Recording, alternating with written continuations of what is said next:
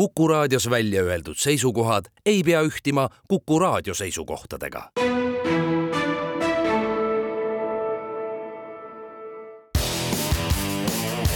spordireporter. spordis kruvib pinget, Pahv üksteist ja seitse minutit on saanud kell, täna on kahe tuhande kahekümne neljanda issand aasta veebruarikuu kolmeteistkümnes päev. tere kuulama spordireporterit järjekorranumbriga kolmsada nelikümmend kaheksa. kuulama kutsuvad teid Järve Lott, Tallinn, Susi Joosep, samuti Tallinn. meie saatega saab ühendust e-posti aadressil spordireporter at kuku.ee või Twitteris haaksõna spordireporteri abil. nii on võimalik esitada küsimusi, mõtteid, tähelepanekuid, millele vastamise võtame ette saate kolmandas osas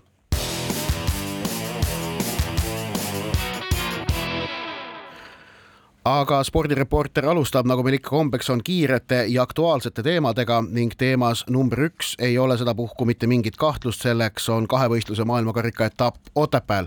kolm päeva järjest maailma parimad kahevõistlejad Otepääl maailmakarika punkte jagasid ning Eesti juhtiva talisportlase, ei saa öelda parim talisportlane Kristjan Ilvese kohta, sest meil on EM-hõbedad Martin Liiv ja Aleksandr Selevko, aga noh, ikkagi Eesti, no ütleme siis ühe juhtiva talisportlase Kristjan Ilvese sooritused kodusel MK-etapil. Kelly Sildaru näiteks. jah ja. ja., et äh,.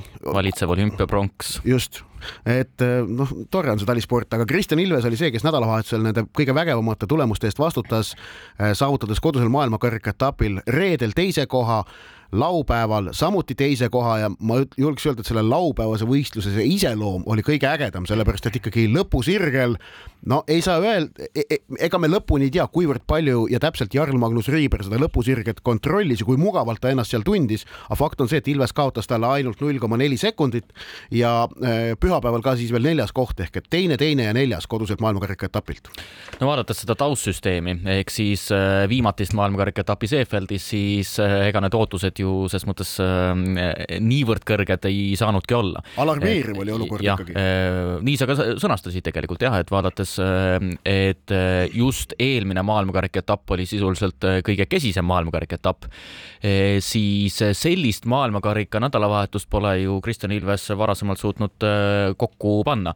ja tõesti, see näitas ikkagi, noh, ma arvan, psühholoogilist tugevust ennekõike, et ta suutis seda kodupubliku tuge tegelikult niivõrd tõhusalt ära kasutada.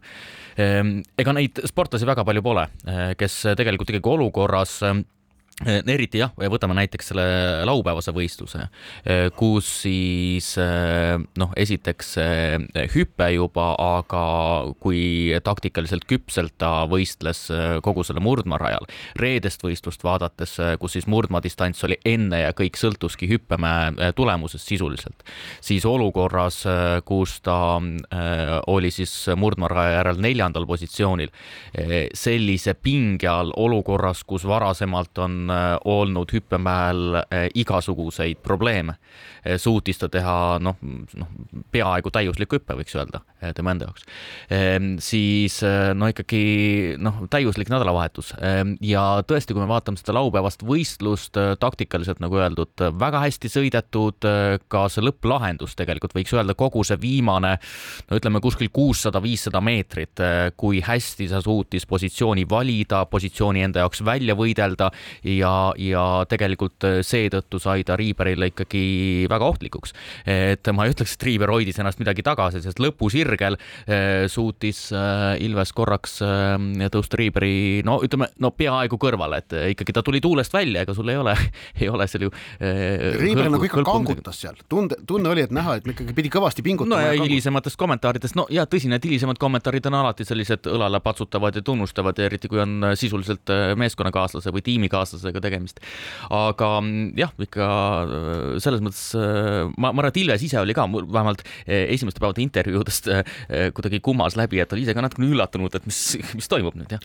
ja äh, tema treener Jan Schmid ütles väga hea mõttetere pärast võistlust, et Ilves suutis selle kodupubliku surve mille eest pääsu pole, millest pääseda pole võimalik, enda kasuks pöörata ja noh, see näitab muidugi sportlase taset, kes selles olukorras, pingeolukorras ja just nimelt arvestades ka eelnevat nurjunud võistlust Seefeldis suutis selle kõik enda kasuks mängida. ja aga kui vaadata eh, kõigepealt siis pühapäevast võistlust ja ka reedest võistlust ja vaadates kogu seda tänavust hooaega, tegelikult ka eelmist hooaega ja ka üle-eelmist hooaega, no siis kogu aeg on tunne, et eh, lihtsalt sisuliselt võimatu on Riiberile vastu saada, võimatu, et see nii lähedal pole ta varem olnud ja ega nii lähedal pole ka teised eriti olnud eh, sellises noh, tavapärases võistlussituatsioonis, et vähemalt noh, mingisugune signaal on, et, et noh, äkki, äkki keegi saab talle vastu. no takkajärele tarkusena, et oleks äh, noh, et kuidas Riiberil oleks võinud sel nädalavahetusel vastu saada, kui ta, kui Riiber oleks oma laupäevase väikese eksimuse hüppemäel teinud reedel siis ta ei oleks reedel võitnud, kuna reedel oli see kompaktvõistlus, kus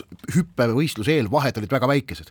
ehk et tegelikult Riiberi võitmiseks kõige reaalsem olukord paistab praegu olevat see, kus on see kompaktvõistlus eh, ja vahed on väikesed, nagu nad enamasti on, ja Riiber hüppemäel teeb mingi väikese vea, et siis võib juhtuda. Eh, aga noh, nüüd on muidugi ka üleval ju võimalus, et, eh, et tegelikult Riiberiga enam sel hooajal mitte keegi võistelda ei saagi, sellepärast et päevakorras on ju see, et ta lõpetab hooaja varakult ära, kuna ta maailmakarikasarja üldvõidu kindlustas ja läheb teeb operatsiooni enne tiitlivõistluste hooaega varakult ära. nii et noh, ta ütles, et see on võimalik.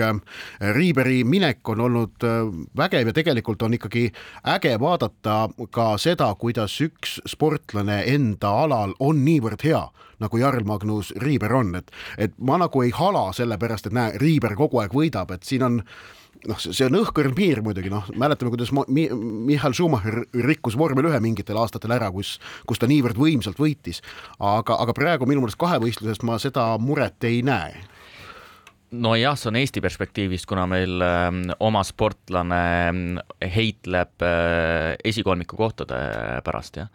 aga kui väljaspoolt vaadata, no mõtle, et sul ei ole, ei ole, sa ei ole sakslane, norrakas, eestlane ega austerlane no siis on no, keerulisem. siis on nagu keerulisem ja siis oleks nagu vaataks siin äh, paar aastat tagasi naismurdmaa suusatamist, noh et mis, mis sa vaatad, kui sa tead, et paarikümne sekundiga ähm, Theresa Juhaug võidab ja nii edasi. aga jah, nüüd on paarikümnega, paari minutiga. ma rääkisin sprindist ah, okay. no okay., jah, sprinti ta tõsi ei võitnud, äh, aga äh, jah, no mõlema seis on ju tegelikult selline, et no Riiberil tiitlivõistluste medalid on küll, aga, aga no olümpialt ei ole veel midagi pudenenud ja need põhjuseid me teame, mäletame olümpiamänge. Ehm, samad põhjused, mis tegelikult äh, Kristjan Ilvesel, et väga head tulemust olümpiamängudel pole kirjas. aga seis on nüüd selline, et äh, Riiber on kakskümmend kuus, Ilves on kakskümmend seitse, vaadates nende vanust ja vaadates äh, selle ala spetsiifikat ja ka ala positsiooni talispordis, siis kõige olulisemad aastad, kaks järgmist aastat on mõlemal ees. kõigepealt MM-aasta Trondheimis veel. Kodus. kodus. mõlemal. mõlemal kodus ja, ja siis äh, Itaalias, mitte kodus võõrsil Olümpia. olümpiamängud kaks kõige olulisemat aastat, ehk siis praegu on tegelikult kõige olulisem äh, periood teatud mõttes, et äh,. nii Riiberi kui Ilvese karjääris, jah ja. aga lisaks need kaks aastat ei ole olulised mitte ainult neile, vaid tervele maailma kahevõistlusele, sellepärast need võivad olla üldse maailma kahevõistluse kui sellise vaata et viimased aastad, kuna teatavasti juba nüüd Milano olümpiaks oli küsimärk, et kas ala jääb olümpiaprogrammi, jäi, aga edasine olümpiakavas olemine sõltub sellest, kas naiste kahevõistlus saab piisavalt tugev tugevaks, sellepärast et Rahvusvaheline Olümpiakomitee äh, sellel teemal äh, enam järgiandmisi teha ei taha, nii et naiste kahevõistlus, mida äh, ka me, me siin Otepääl saime vaadata, on selles mõttes kahevõistluse jaoks võtmetähtsusega, et üldse ellu jääda. jah, kolm sellist pisikest märkust veel natukene eri teemadest, aga kõigepealt johtuvalt sinu viimasest kommentaarist. siin ei ole küsimus ainult, kuidas suudetakse nii-öelda kandepinda saavutada ja, ja nii edasi. tegelikult ka ja, ja ka mitte ainult võistlusformaatides, vaid kahevõistlus vajab äh, ka natukene atraktiivsemat äh, kajastust.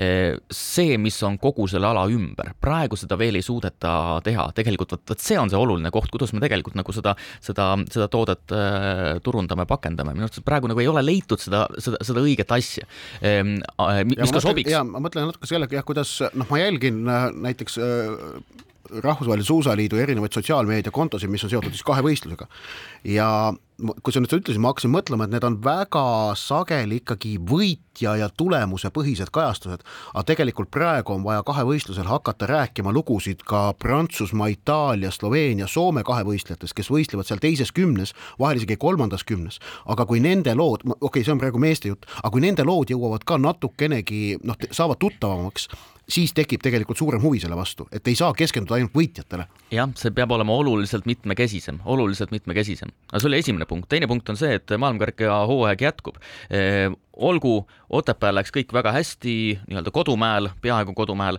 ehm, ja praegusel hetkel on Kristjan Ilves maailmakarika üldarvestuses viiendal kohal. no edasi nagu tõusta on nagu keeruline, vaadates seda punktiseisu, aga, aga võimatu pole, äh, pole üldse.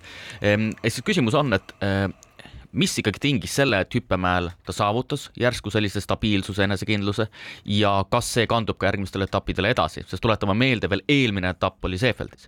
Ehm, see on siis siin on nüüd pikk paus tegelikult, sest et lahtivõistlus on alles märtsi alguses, nii et eh, siin on nagu väikene hooajapaus tegelikult kahevõistlejatele enne siis lõpuspurti lahti ja kahte Norra etappi.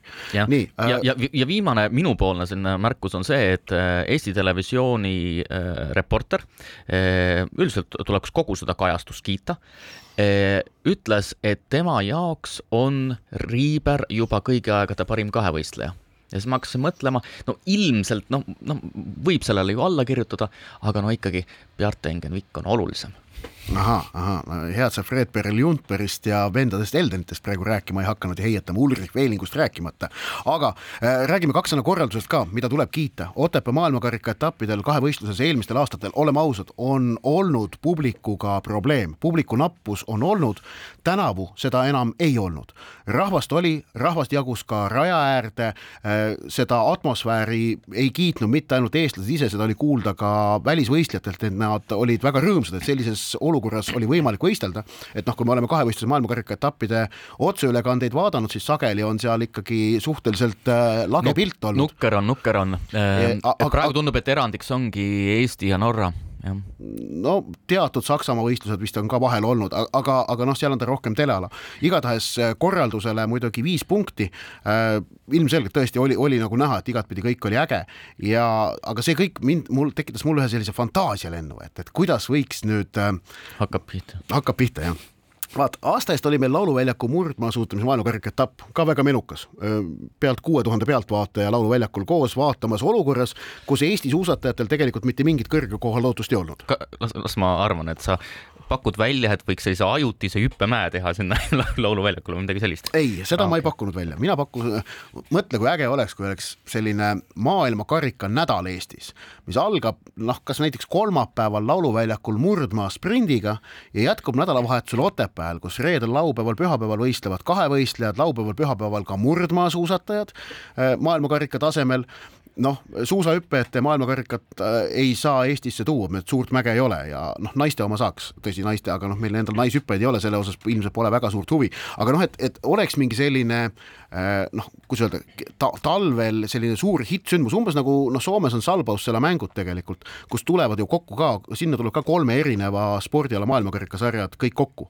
Äh, hüpped, kahevõistlus, murdmaa ja, ja samamoodi nagu Rugal ja vist Oslos ka minu meelest tehakse hooaja lõpus sama asi. ei no siis võiks ju nagu edasi mõelda mõelda, et meil on noh, vähemasti üks kurlinguhall, et seal saab teha ju, või tähendab, mitte kurlinguhalli meil ei ole otseselt, aga üks koht, kus kurlingut mängida, kus võiks teha ka sama, samamoodi mingi kõrgetasemelisema ähm, etapi ähm,. no siis äh, võiks äh, lisada väikese sellise jäähokilahingu ähm, mõne noh, sellise mitteametliku näiteks äh, ja. ei no mina, sa ajad mingit jura. ja siis, ma... ja siis sõidame Siguldasse edasi ja lähme siis vaatame. ja noh, see on see, sina ajad praegu jura keerasid naljaks, aga, ei, ei, üldse, aga tegelikult selline kahe kahevõistluse ja murdmaa kombineerimine, noh, ma arvan, et see ei ole nüüd täitsa ebarealistlik, et sellist, sellise asja suunas pürgida oleks, oleks täitsa äge ja, ja noh, et Otepää keskus, mis on aastate jooksul selliseks võimsaks kohaks ja vahvaks kohaks äh, välja ehitatud ja kujundatud, et selle võimalusi maksimaalselt kasutada, siis mingi säärane noh, idee võiks ju kuskil kaugel siin äkki olla, eks näis.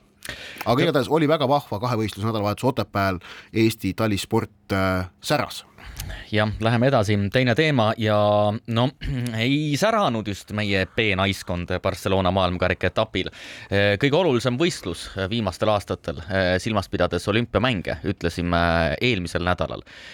tegu oli siis maailmakarika etapiga ja lisaks individuaalvõistlusele oli ka naiskonnavõistlus, mis meie jaoks on mõistagi kõige olulisem ja meie naiskond koosseisus Nelli Tihvert, Kristina äh, Kuusk, Irina Embrich ja Julia Beljajeva äh, võitis avamatšis Austriat päris kindlalt, aga seejärel jäädi Hiinale alla kakskümmend kuus, kolmkümmend kaheksa ehk siis võisteldi kohtadele üheksa kuni kuusteist ja seal alistati järjeparu Hispaania, siis meie kõige olulisem konkurent Ukraina ja, ja viimases üheksanda koha matšis alistati ka Hongkong, nii et äh, üks maailmakarika etapp jääb veel pidada, see leiab aset märtsikuus Hiinas. Äh, ja silmas pidades siis olümpiamänge, Eesti seis on äh, sant, väga sant, Eestil on kakssada kaheksateist, Ukrainal kakssada viiskümmend punkti, mis tähendab, et Eesti naiskond sisuliselt peab võitma viimase äh, naiskonnavõistluse. ja noh, kõige reaalsem stsenaarium, kuidas olümpiale pääseda, on tõesti, et see viimane võistlus Hiinas tuleb võita. no see ei ole nüüd iseenesest utoopiline, kuna äh, üle-eelmine maailmakarika etapp Kanadas teatavasti võideti. nii et noh, see saavutus võideti tegelikult... nii, et nagu kolm matši äh, võideti äh, noh, ühe torkega, et see võideti. tõenäosus on, tõenäosus see on juba väga väike.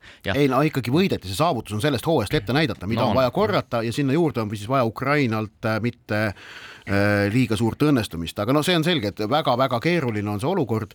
Eesti vehklemine samas olümpiamängudel kindlasti esindatud on, seda, see on juba praegu täiesti selge, et kui kui naiskond peale ei saa, siis individuaalselt üks Eesti vehkleja pääseb Euroopa edetabeli alusel, seal ilmselt kõige suuremad šansid on Nelli Tihvertil, Katrina Lehis, kes on pikalt panustanud sellele, et ta sealt individuaalse äh, kadalipu kaudu siis olümpiale murraks, kuna tal see maailmakarika etapp individuaalselt Barcelonas noh, ei toonud oodatud tulemust, ta kaotas kuueteistkümnendikfinaalis, siis tema võimalused seal Eesti äh, parimaks tõusta on äh, jäänud väga väikeseks kaks ja... võistlust on seal, kaks individuaalset võistlust on veel alles, naiskondlik on üks alles. jah, aga nüüd äh, küsimus on selles, et kui vaadata, et Kaido Kaabermaa näiteks alustas Irina Embrichiga.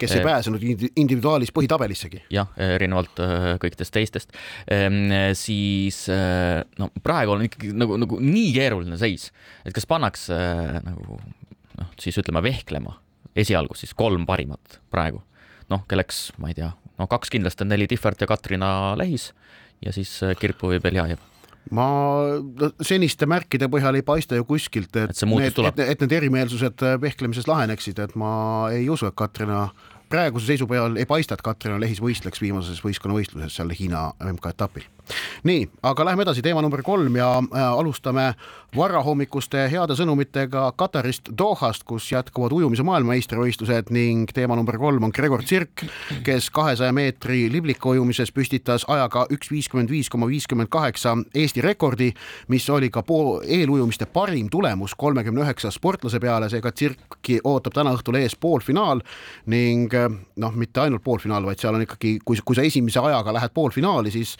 ilmselgelt on ootus see, et nüüd õnnestub finaali jõuda ja mis siis seal finaalis õnnestuks ära teha. Sirgi äh, enda kommentaar, loen ette.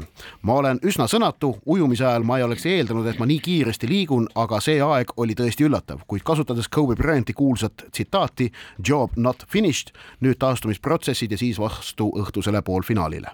No ja ikka resümeeks võime öelda, et ega nii hea seis, nii heas seisus Eesti ujumine pole, pole päris kaua olnud, jah no ja, ja Sirgi enda tegelikult äh, sõnavõtud selle MM-i eelmiste distantside ja MM-i eel olid ka pigem säärased, mis noh, surusid neid ootusi alla, et, et ta ei, ta ei öelnud välja, et ta läheb nendel võistlustel seda olümpia A-normi ründama, aga õnnestus see ikkagi kätte saada. ja see, et Sirgil nüüd A-norm on täis, tähendab, et ükskõik milline teine Eesti meesujuja olümpiamängudele pääsemiseks peab samuti täitma A-normi, mitte mingit muud varianti enam ei ole aga läheme edasi ja neljas teema, Eesti kurlingupaar. Marie Kaldvee, Harri Lill võitis Kanadas teist korda järjest Suure Slami finaalturniiri ja finaalis alistati Pekingi olümpia hõbeda võitnud paari.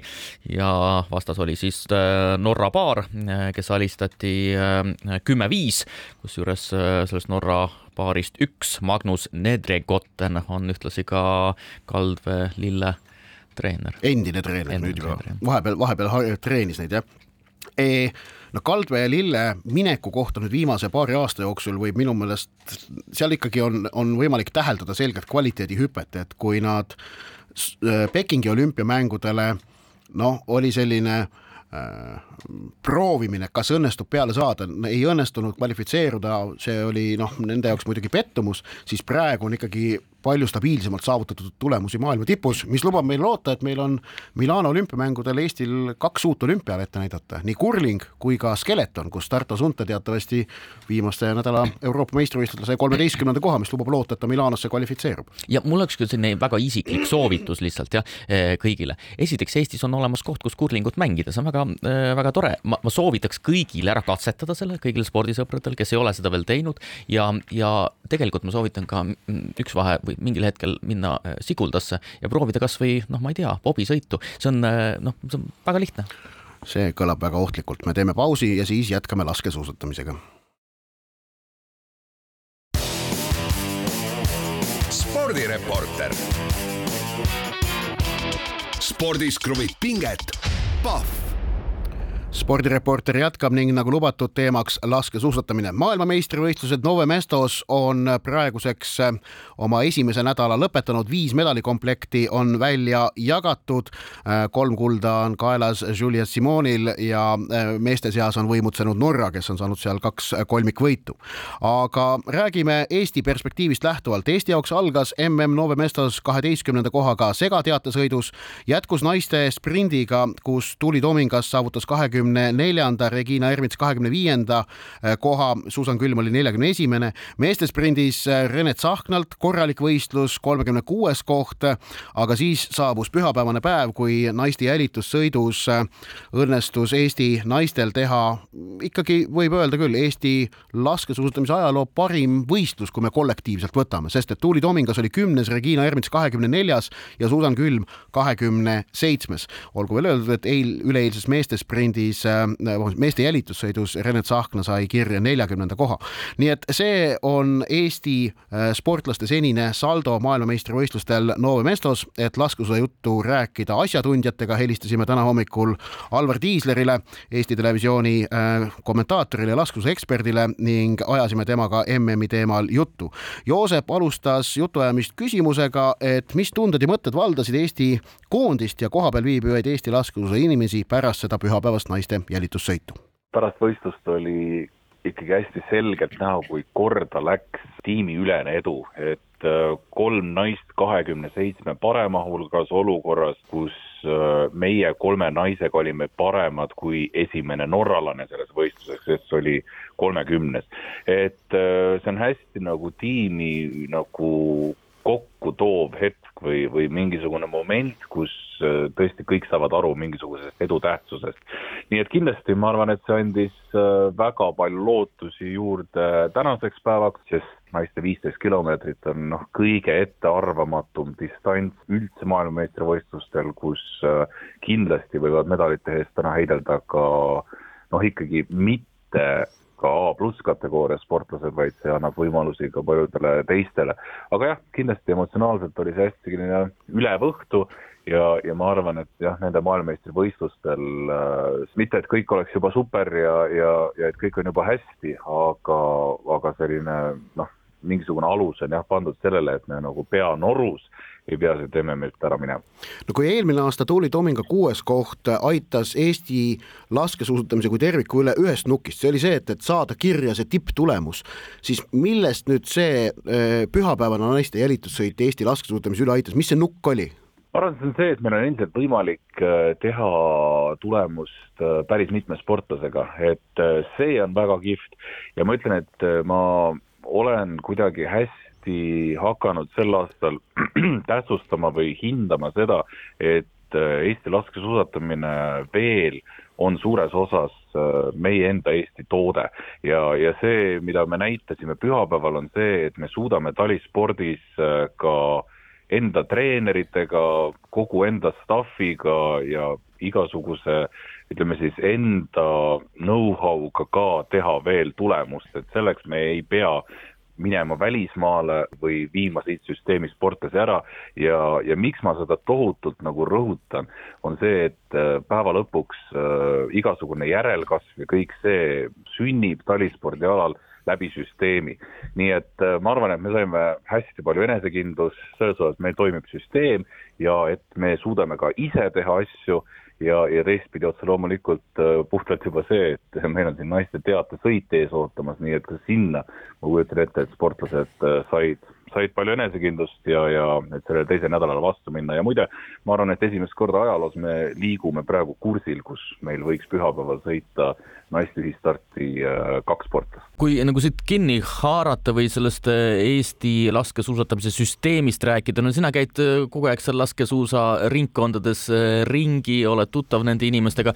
kui ähm, tõsiselt väärtustatakse või kui kõrgelt hinnatakse Eesti seda laskesuusatamissüsteemi, Eesti laskesuusatajaid ja nii edasi, et kas see koht äh, on kuidagi kinnistunud seal laskesuusa, võiks öelda siis tippseltskonnas või sellises igapäevases rahva ähm, laskesuusatamise professionaalses seltskonnas?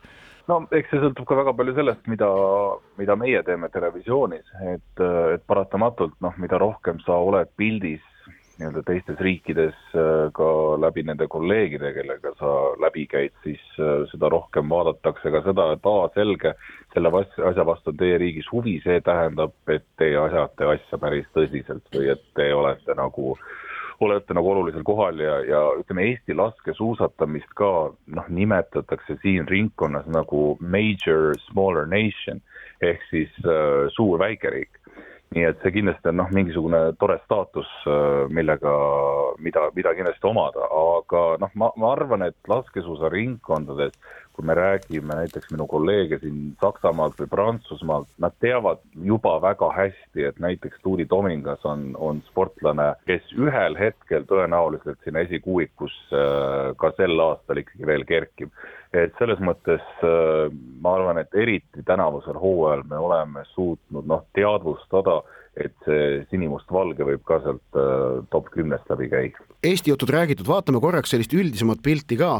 minu meelest MM-i eel olid äh, jutud mittesportlikud teemad osas sellised, et tingimused on erakordsed, lund ei ole ja sportlikus osas oli siis äh, hirm selle ees, et Norra võimutseb, noh, me oleme näinud lõpuks seda, et Norra võimutseb meeste seas ja Prantsusmaa naiste seas. kuidas koha peal need, need, need asjad tunduvad? Jah, ütleme siis esimese nädala põhisuur teema oli see, et kuidas Norra nii, või vabandust, kuidas Prantsusmaa niivõrd häid suuski on saavutanud. et me nägime meeste sõidus, et võib-olla see ikkagi päris nii ei ole. tõesti, Prantsuse naised on olnud fantastilised, aga eelkõige kaks tükki neist siis Julia Simon, kes praegu on kolm kulda teeninud ja liigub Dahlmeieri rekordi suunas, ehk siis viis kulda ühel MM-il ja Justine Brezas-Boucher ja, ja koondise kaastajad kaks tükki veel samamoodi.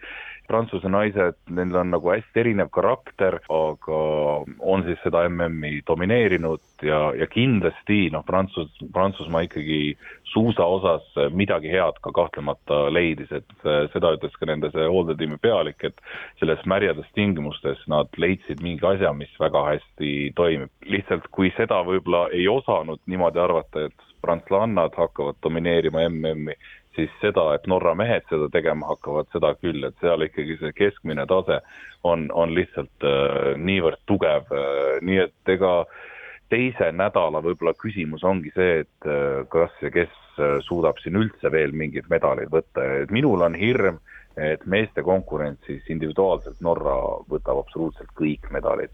mingis mõttes oleks päris karm, noh, teistpidi ma ütlesin seda ka üleeile ülekandes, et äh, mingil põhjusel mul otseselt ei ole ka selle vastu midagi, et me näeme seda Norra nii-öelda vennatapluste seal, et, et me näeme seda, kuidas nemad omavahel konkureerivad, et minu meelest ka see on äh, päris nagu haarav seda vaadata, et kes sealt pundist suudab äh, siis olla päeva parim ja seda noh, osalt ka seepärast, et äh, nemad, nad on ka lihtsalt inimestena noh, tohutult huvitavad karakterid. no viimane küsimus, mõne aasta pärast on äh, seesama võistlus äh, ju meie koduvabariigis. Ehm, väga lihtsalt, et mida Eesti teeb sama hästi ja mida veel paremini?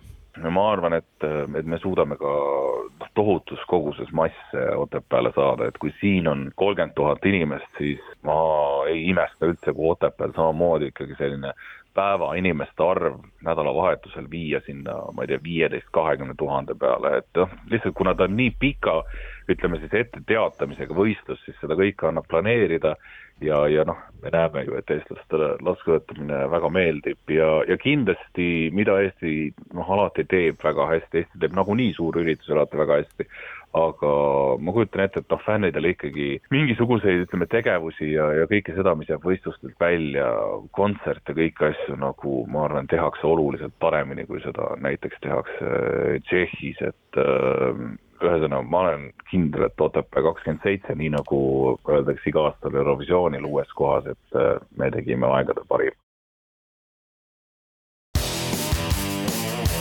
spordireporter spordis kruvib pinget, Pahv. Spordireporter jätkab, Joosep Susi ja Ott Järvela jätkuvalt Kuku raadio Tallinna stuudios ning meie saate kolmas osa kuulub, nagu ikka kombeks on, kuulajatelt laekunud küsimustele. Ning alustame sama teemaga, millest kõneles meie saate viies teema ja eelmine osa ehk et laskesuusatamine. nimelt meie võiks öelda, et püsiküsija Tõnis Tartust on läkitanud arupärimise, mis on ERR-i suhtes mõnevõrra kriitiline. kõlab see nii. mida arvate ETV laskesuusatamise reportaažidest? kuivõrd professionaalne on ülekandest ülekandesse üliemotsionaalselt röökida, karjuda, näiteks lasketiiru kommenteerides appi, appi või Johannes, Johannes? kas intervjueerija poolt on normaalne kümnenda koha saanud sportlast kaisutada ja teatada, küll sa oled üks kena inimene? kas vaoshoitumine neutraalsem stiil ei oleks asjakohane ja natukenegi vähem piinlik? Ehm, see on ähm, väga ilusasti äh, sõnastatud küsimus, aga läheneda saab ju äh, mitut moodi sellele. Mina alustaksin sellest, et jah, sellisest võib-olla akadeemilisemast või ütleme, ütleme sellisest intellektuaali äh, positsioonilt vaadates võib see tunduda tõesti piinlik ja kuidagi naiivne, aga siin on kohe vastuargument, jah, millest me oleme ka tegelikult Otiga siin rääkinud päris palju, et vaadates vaatajanumbreid Eh, vaadates, kui populaarne on laskesuusa üle, ülekanne, siis väga lihtne järeldus, et inimestele see meeldib. Eh, aga need põhjused, miks reageeritakse sedasi, sest tõesti, kui Tuuli Tomingas sai kümnenda koha, siis järsku tekkis tunne, et meil on nüüd olümpiamedal. ja sarnane oli ka siis, kui Tuuli Tomingas saavutas maailmameistrivõistlustel kuuenda koha ja see on täiesti arusaadav Äh, me oleme nii kaua jälginud äh, laskesuusatajaid viimastel aastatel, nii pingsalt jälginud kõiki nende tegemisi ja vaadates seda taustsüsteemi, mis on tavalised tulemused, niivõrd palju äh, kõrgematasemeline tulemus ja see ootushorisont ja see tegelikkus olid lihtsalt nagu sellises vahekorras, et äh, see mõjuski sisuliselt tiitlivõistluste medalina. ja, see on täiesti, täiesti normaalne ja lisa, lisaksin sinna loomulikult selle kommentaatorite perspektiivi, et nad on nii selles alas sees, et me võime öelda, et kas, kas äh, kommentaator peaks nagu suuremat suuremat vahendatust hoidma või, või, või suuremat distantsi hoidma või mitte. ma arvan, et paljuski on see maitse, maitse küsimus lihtsalt, jah ma nüüd natukene praktiseeriva spordikommentaatorina äh, ütlen ka paar sõna sekka. mis puudutab esmalt seda, seda, et millist distantsi peab kommentaator hoidma vahendatava spordialaga, siis minu kogemuse põhjal see sõltub päris palju sellest, kuivõrd suure või väikese riigiga on tegemist. vaadates rahvusvaheliselt ka ringi, et mida väiksem riik, seda väiksem ka distants. mul meenub, kuidas Islandi jalgpalli ajakirjanikud ja ka kommentaatorid, milline oli nende hoiak kahe tuhande kuueteistkümnenda aasta Euroopa meistrivõistluste ajal, kui nad võitsid Inglismaad või kui nad mängisid Stade France'il veerandfinaali Prantsusmaaga. Äh, see ei olnud noh, mitte mingist noh, kuidas öelda, see pressitribüün oli islandlaste jaoks nagu ka sõjalahing või noh, lahingutanner, nad võtsid seda niimoodi, et, et mida väiksem riik, seda, seda väiksem on ka see distants. Mis... ma ei, ma, ma ei ole päris nõus sellega, ma ütlen, et see on väga palju kinni ka äh, kohalikus kultuuris ja reportaaži žanri äh, nii-öelda kohalikus traditsioonis. et kui me vaatame, no ma ei tea, tea, Argentiina tuleb maailmameistriks ja vaadake seda reaktsiooni, noh, kommentaatorid nutavad, nad ei saa sõna ka suust öelda, nad on lihtsalt nagu no, no, nad, noh. ma rääkisin praegu pigem Euroopast, ma eeldan, sest noh, et Ladina-Ameerika kultuur on, kultuuriline kontekst on mõnevõrra teistsugune. teine asi, mis ma tahtsin öelda siis praktiseeriva kommentaatori vaatevinklist, et et noh, näiteks ega meil jalgpallikommentaatorite seas me ju teame, et meil on seal väga erineva stiiliga tegelasi Eestis ka, kes me jalgpalli kommenteerime ja nii palju, kui kui me oleme omavahel sellest rääkinud, siis ähm, oleme me suhteliselt üksmeelselt arvamusel, et äh, see, et meil on erineva stiiliga kommentaatorid, on täiesti normaalne ja isegi hea, et ei pea olema ühte sellist kindlaks määratud äh, mudelit, mille järgi kõik teevad, vaid las igaüks teeb nii, nagu talle kõige paremini sobib.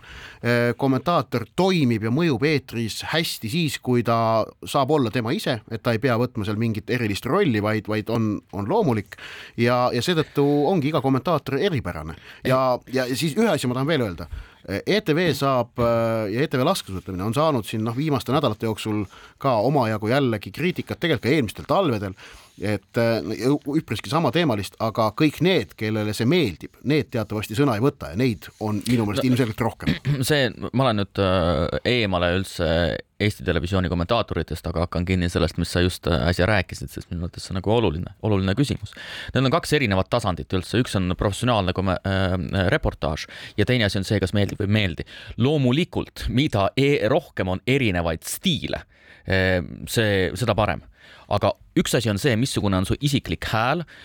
reporter peab leidma oma isikupärase hääle, see on selge, aga hoopis teine asi on see, et kas ta on nii-öelda valdab nii-öelda elementaarset nii-öelda tööriistakasti seal on hoopis teised asjad mängus, on mängus näiteks ja, see, et kas sa eksid faktiga või ei eksi, kas su äh, reportaaž on ebaühtlane või mitte. et kui näiteks pall on karistusalas, karjud, karjud, karjud, karjud, kahe minuti pärast on pall karistusalas, aga samal ajal räägid hoopis tädi Maalist. et noh, see on mingisugune ebaühtlus, on ju. Need on väga puhtalt professionaalsed äh, sellised no elementaarsed äh, käsitööoskused, aga see, et peab olema erinevaid stiile sellega on täiesti nõus, loomulikult siin ei olegi mingit küsimust, aga läheme edasi.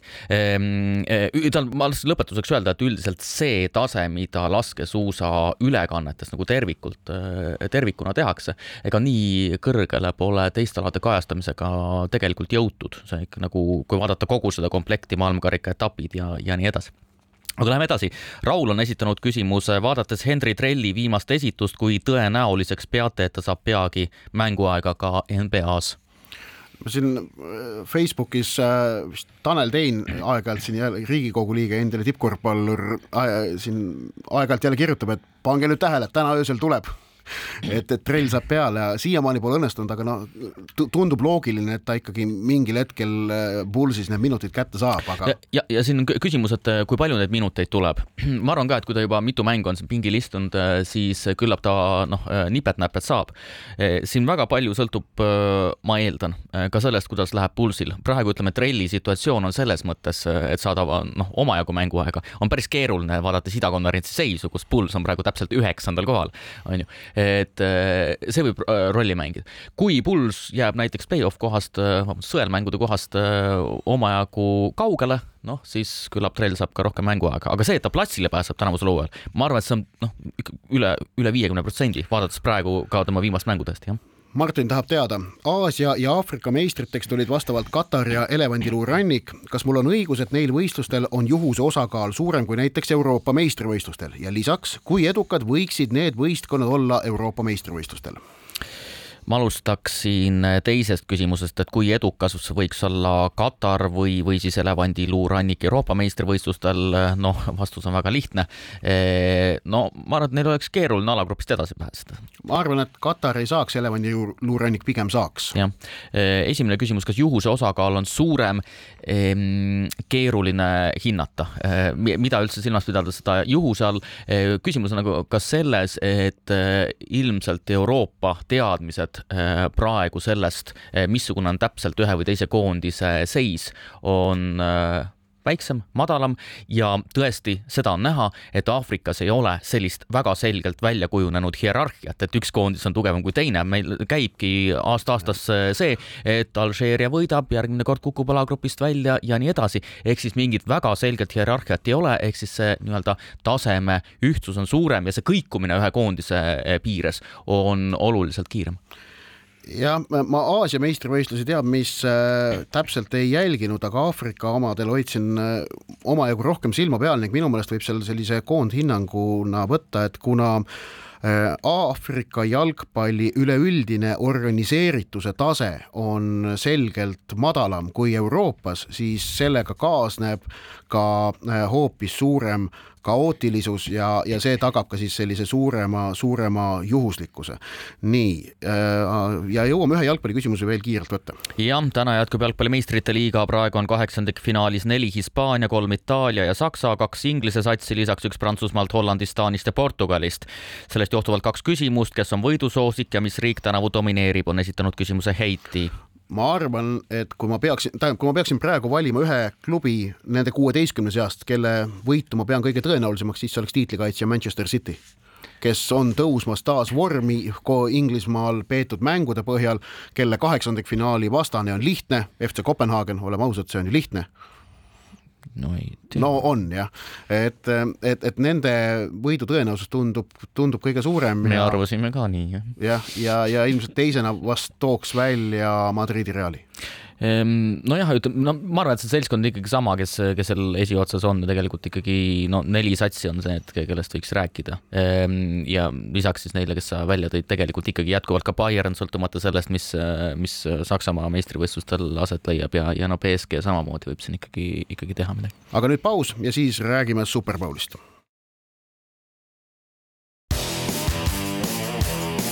spordireporter spordis kruvib pinget, Pahv me jätkame tegelikult äh, spordireporteri saadet äh, olukorras, kus Järvela ja Susi mõlemad on Kuku raadio Tallinna stuudios. Äh, küsimuste lainel, nimelt Marti on esitanud küsimuse. tahaks teilt nüüd ausat ja erapooletut analüüsi. kumb oli Superbowlil suurem tegija, kas Patrick Mahomes või Taylor Swift?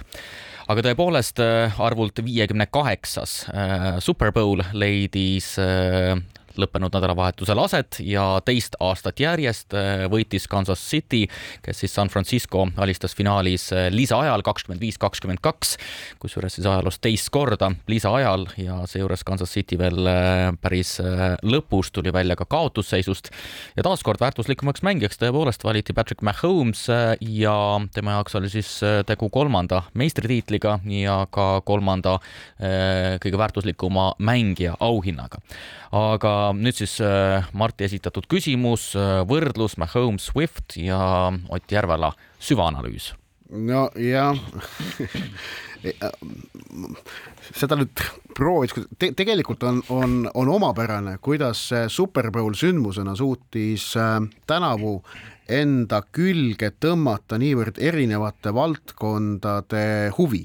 ja, ja noh, see näitab seda, kuivõrd olulise sündmusega Ameerika kultuuris tegemist on, et, et see ei olnud sedapuhku mitte ainult spordivõistlus, nagu ta alati on, see ei olnud sedapuhku ainult see reklaamide vaatamise üritus, nagu ta ka alati on, ei olnud sedapuhku ainult muusikasündmus, nagu ta ka alati on, läbi siis selle Poola etenduse. ja ma, ma, ma ütleks, et äh, Super Bowl äh, tõesti, äh, seda jälgitakse väga paljude, sõltumata sellest, sellest, missugused on poliitilised eelistused, sõltumata tegelikult ka no ütleme nii-öelda sotsiaalmajanduslikust taustsüsteemist. Ja seda vaadatakse äh, mitte seetõttu, et kedagi huvitaks need reklaamid tingimata või kedagi huvitaks äh, Ameerika jalgpall tingimata või kedagi huvitaks äh, see vaheaja kontsert tingimata, vaid seetõttu paljuski, et seda on vaadatud. Või noh, see on mingisugune komme, mida, mida tehakse, see on umbes nagu noh, ma ei tea, tänupühade pidamine või midagi sellist no.. ju vist jah, aga, aga lisaks neile mainitud asjaoludele, mis on tõesti traditsioonilised, äh, need äh, reklaamid, poole show, oli ta sedapuhku ka Äh, ühelt poolt poliitiline sündmus, sellepärast et selgelt oli see mäng väga oluliselt seotud äh, tänavuste presidendivalimistega USA-s, kuna äh, ühelt poolt sellele mängule omistati sääraseid tähendusi ja teine omalt poolt otsustas niimoodi trollida.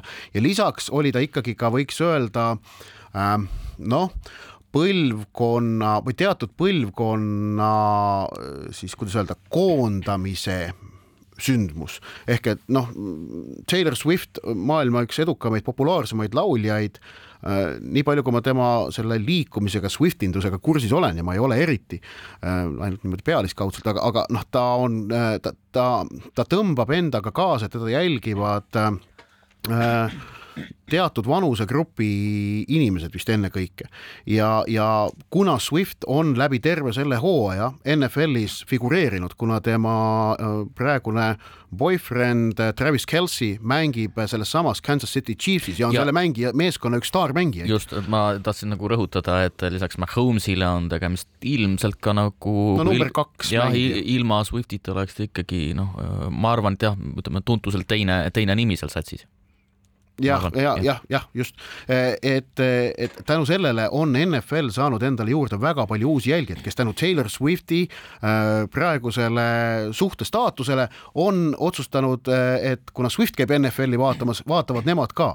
Ja, ja see kõik on olnud Ameerika jaoks selline noh, kõrvalt vaadates nagu selline sündmus, millega nad on siis proovinud kohaneda, aga noh, kõik huvitav oli muidugi see poliitiline tasand, et kuidas noh, vabariiklaste teatud ekstreemsem leer hakkas süüdistama äh, juba ette, et NFL on selle asja niimoodi, kuidas öelda, kokku sobitanud, et tehakse Chiefsist vägisi meister, et siis Taylor Swift saaks Superbowli trofeega äh, kuskil ilutseda ning teatada, et tema toetab presidendivalimistel Joe Bidenit et see oli vabariiklaste nii-öelda vandenõu, millele Joe Biden omakorda vastas siis mõnusa trolliva postitusega pärast mängu, et noh, Chiefs, et täpselt nii, nagu me plaanisime.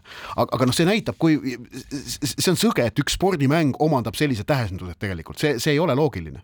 nojah, aga siin ju selge, et äh, tegemist nagu, nagu see sportlik osa on siin nagu väike ja et see sportlik osa ähm, noh, on mingisugune noh, traditsiooniliselt väga palju sümbolväärtust levinud kohtumine või iga-aastane mäng, aga, aga jah, et ütleme, see sportlik tasand seal ise noh, pigem on tähelepanu keskpunktis nagu pidevalt see, mis seda mängu ümbritseb. no see, ütleme, see on, see on nagu musternäide Ameerika kultuurist ja noh, ja, ja noh, võrdlemisi ebameeldiv tervikuna, aga, aga olgu peale. räägime natuke spordi, spordist ka või? Äh, ma, ma tahan ühe poliit-, poliitilise sellise noh, idiootsuse ka veel välja tuua, et ja lõpuks siis tähendas seda, et Kansas City, vabandust, vabariiklased oli, pidid olema justkui äh, San Francisco 49ersi meeskonna poolt ehk meeskonna poolt, mis äh, esindab äh, Ameerika Ühendriikide üht kõige vabameelsemat linna, mis on tuntud oma suure gei kogukonna poolt poolest ja teisalt olema siis äh, vastu Kansas City'le, mis asub Missouri osariigis, mis on noh, sügav vabariiklaste ala, et noh.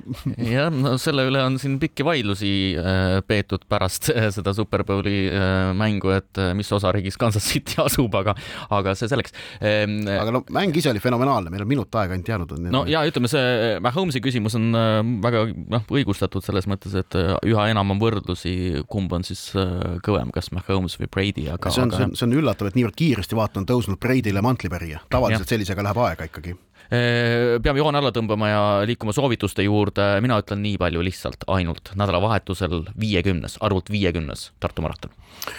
mina ütlen seda, et meistrite liiga naaseb talvepuhkuselt ja nende mängude jälgimine jalgpallisõbra ja spordisõbra jaoks on selles mõttes vahva asi, et see on ikkagi Euroopa üks tähtsamaid võistlusi, soovitan seda teha.